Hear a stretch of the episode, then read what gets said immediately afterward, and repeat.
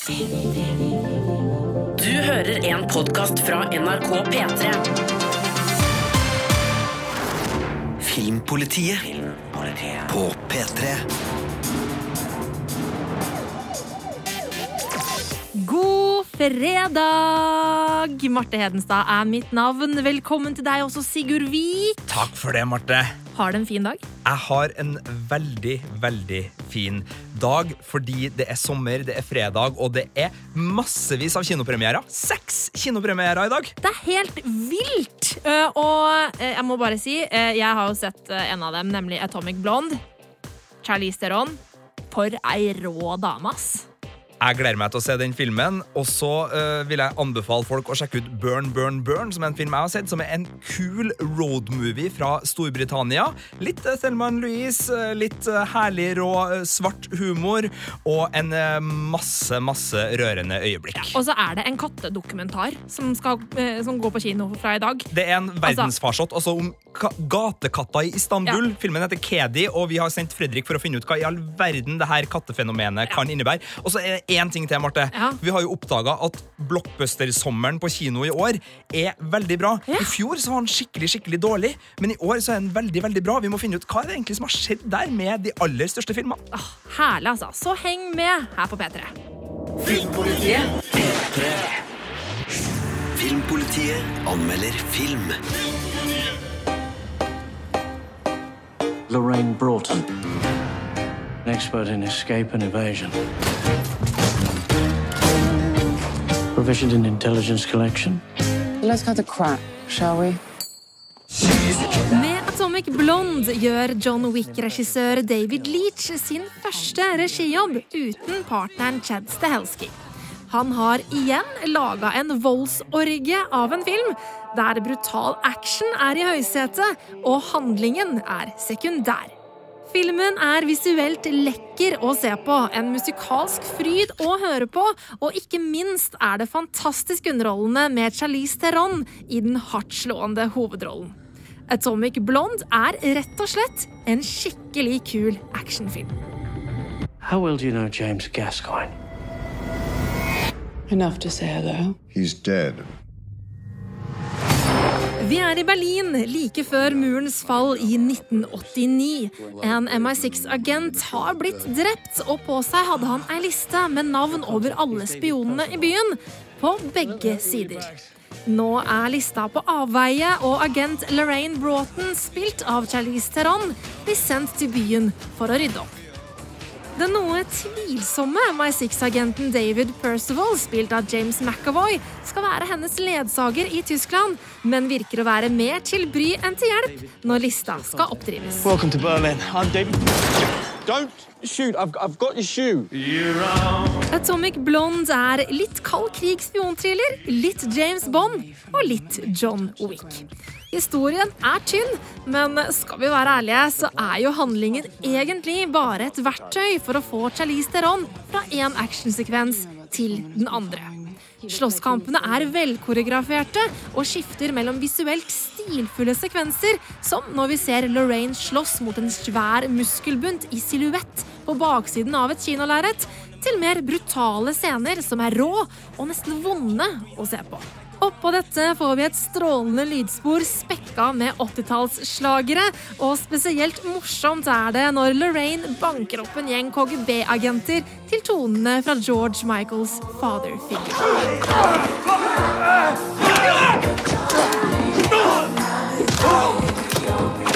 Charlize Theron får virkelig skinne i Atomic Blonde. Det er tydelig at hun har ligget skikkelig i hardtrening på stuntskolen før innspilling.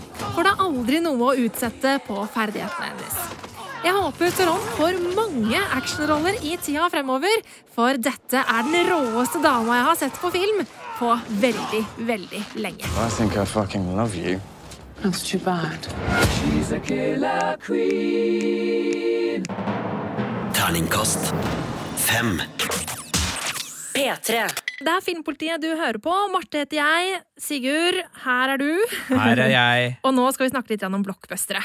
Ja, det må vi. For det var nemlig sånn at sommeren 2016, altså fjorårets sommer, var en skikkelig nedtur for oss som er glad i sommerblockbustere. Bare for å ta aller kort sånn uh, hva en sommerblockbuster er, det er de der typiske store amerikanske actionfilmene som pleier å komme. Og de har kommet helt siden Haisommer, og det har vært Independence Day, og det har vært Jurassic Park, og det har vært liksom alltid de store, store actionfilmene har kommet om sommeren. 4. juli-helga, populær i USA, og så kommer de også hit.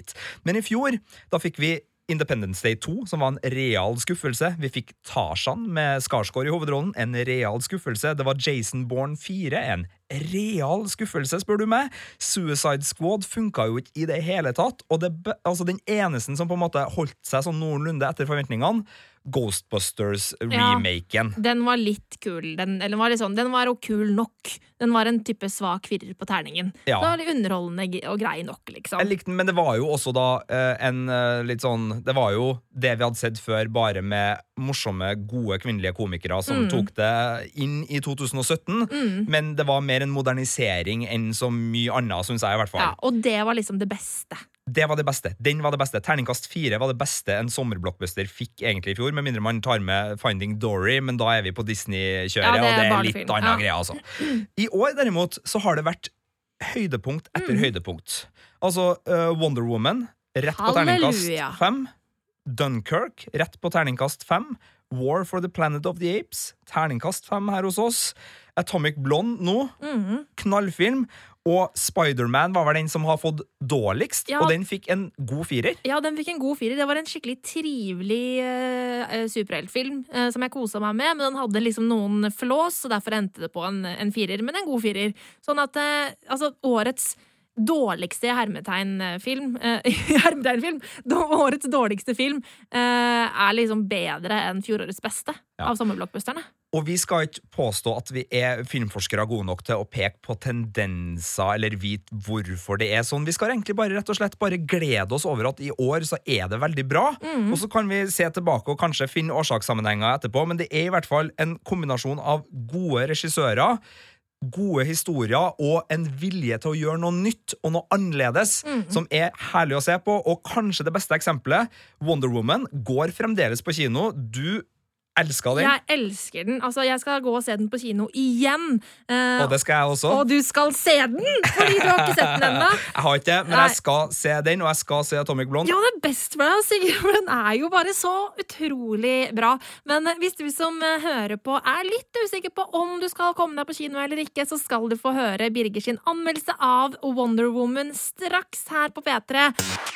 P3. P3. Filmpolitiet anmelder film. I used to want to save the world. But the closer you get, the more you see the great darkness within. Wonder Woman er virkelig vidunderlig. Gal Gadot spiller hun ikke bare som en slagkraftig kriger, men òg som et varmt omsorgsmenneske som lar kjærlighet være veiviser gjennom historien. Det høres kanskje vidløftig ut, men regissør Patty Jenkins greier virkelig å fortelle en historie med en hovedfigur som definitivt er skrudd sammen litt annerledes. Wonder Woman er en velkommen avveksling fra mannlige superhelter som gjerne har mørkere trekk og sliter med moralske spørsmål. Dette er en film som får oss til å føle for heltinna i sentrum.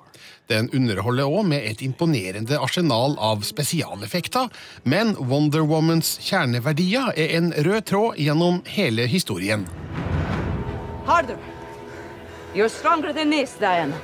Diana, spilt av Gal Gadot, har vokst opp på en hemmelig øy befolka av Amazona, som trener seg opp til krigsguden Ares sin tilbakekomst.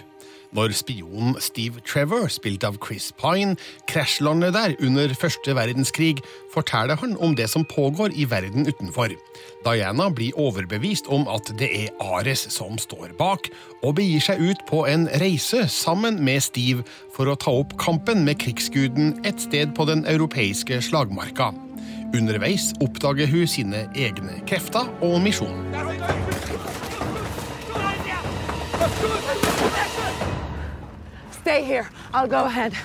Gal Gadot gjør en fantastisk figur som Diana.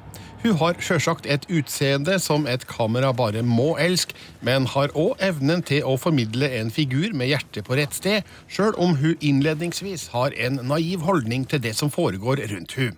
Hennes reaksjoner på menneskets ondskap er likevel forståelig. I utgangspunktet tror hun på mennesket som godt og fredelig. Opplevelsene under første verdenskrig får hun til å innse at det nok ikke er så enkelt, slik det heller ikke er i det virkelige liv. You will soon find out. Wonder Woman er lett den beste DC-filmen til dags dato. Her utløses DC-universets fulle potensial, der figurene brukes til å fortelle en historie som så avgjort engasjerer med sine moralske problemstillinger og diskusjoner om menneskehetens ødeleggelsesinstinkt. At Wonder Woman òg kan skilte med noen utrolig store og lekre kampsekvenser, gjør sjølsagt heller ingenting. Man forventer det av en superheltfilm, og Patty Jenkins innfrir på en overbevisende måte. You expect a battle to be fair! A battle will never be fair! Terningkast fem. P3. Det er Filmpolitiet du hører på. Marte heter jeg, og nå har jeg fått Fredrik Skagen Øyen her i studio. Hei, hei. Du har vært og sett en kattedokumentar denne uka, Fredrik. Det har jeg. En tyrkisk kattedokumentar. Ja. Og når jeg hører ordet kattedokumentar, så tenker jeg bare ok, det her det er det beste som har skjedd på kino på lenge. Jeg elsker jo katter! Ja. Jeg har to katter hjemme selv, eh, og tenkte tenker at dette her er noe jeg kunne kose meg med. Men du, du er ikke en katteperson? Nei, Jeg jeg egentlig ikke, nei, jeg er ikke noen sånn utprega katteperson. Har ikke noe mot katter heller. Nei, Uh, Men jeg, kan, jeg må innrømme det nå, Ja. at nå er jeg blitt hakket mer kattete du av meg. har det, ja. Jeg har det, for vet du Nå har jeg ikke sett så fryktelig mange kattedokumentarer i mitt liv, men det her er altså den aller, aller beste jeg har Det sett. det. Ja, vet du, det var en ren og skjær nytelse. Du har rett og slett eh, sett eh, en tyrkisk film som heter Kedi. Eh, Vi tror det betyr katt. Det må altså Ja. bety katt. Som handler om eh, katter i Istanbul. Altså, fortell litt mer, Nei, det handler, Vi får liksom innblikk i livet til gatekatter Ja. som vandrer rundt i Istanbuls gater. Og de har en egen kattekultur der, visstnok. Eh, folk er veldig glad i kattene sine. De har et veldig personlig, de blir kjent med hverandre og sånt på gata. De er ikke, det, kattene eies ikke av noen, Nei, men likevel så er det noe sånn vennskap som eh, folk setter ut mat til dem. ja, og ja, ja, og, og gir dem navn. Og, Ja, Veldig, veldig koselig. Og det eh, som er litt rart, er at jeg tror uansett hvor man kommer fra i verden, så er man kliss lik når man prater til ei katt. Og det, jeg vet ikke, det er et eller annet vakkert med det. At eh, selv om kulturen i Tyrkia er litt fremmed for en sånn som meg, så eh, med en gang det er katt involvert, så er Ja. vi bare folk. Ikke sant? Ja. Men hvorfor er det her en eh, fin film, Fredrik? For det første så er det et, altså et mesterverk rent visuelt. Det var helt, helt fantastisk. Hvert utsnitt er som et lite kunstverk i seg sjøl, og øynene bare vandrer, og det er så mye å se på, og det er så mye krydder, liksom. Eh, For det andre så er det jo katter, da. Det er veldig, veldig koselig. Det er liksom ingen stor eh, spenningskurve i filmen, men det er bare jevnt over koselig fra start til slutt. Rett og slett. Mm. Så vil du, altså folk som Hvis folk ikke liker katter i det hele tatt, Da bør du i hvert fall se den filmen her. for å bli omvendt Ja, da, og det tror jeg kanskje man blir. Åh, Så utrolig trivelig. Jeg skjønner mm. at jeg må komme meg på, på kino, altså. Du må jo, det er veldig rart at jeg skulle anmelde den her. Ja, ja, ikke sant. Ja. Men Kedi, altså. En kattedokumentar fra Istanbul. Eh, hva ender vi opp på terningen? Det blir en soleklar femmer. Herlig! Åh, tusen takk, Fredrik. Nå gleder jeg meg til å komme meg på kino. P3. P3. Filmpolitiet anmelder film. Burn, Burn, Burn er en finstemt svart komedie som bruker en ung manns tragiske dødsfall til å sende to venninner ut på en vidunderlig rar og morsom roadtrip på den britiske landsbygda. Plottet er ikke veldig originalt, men det hele glir lett ned i en film dynka i herlig britisk råskap. Hovedpersonene er fengende og rappkjefta.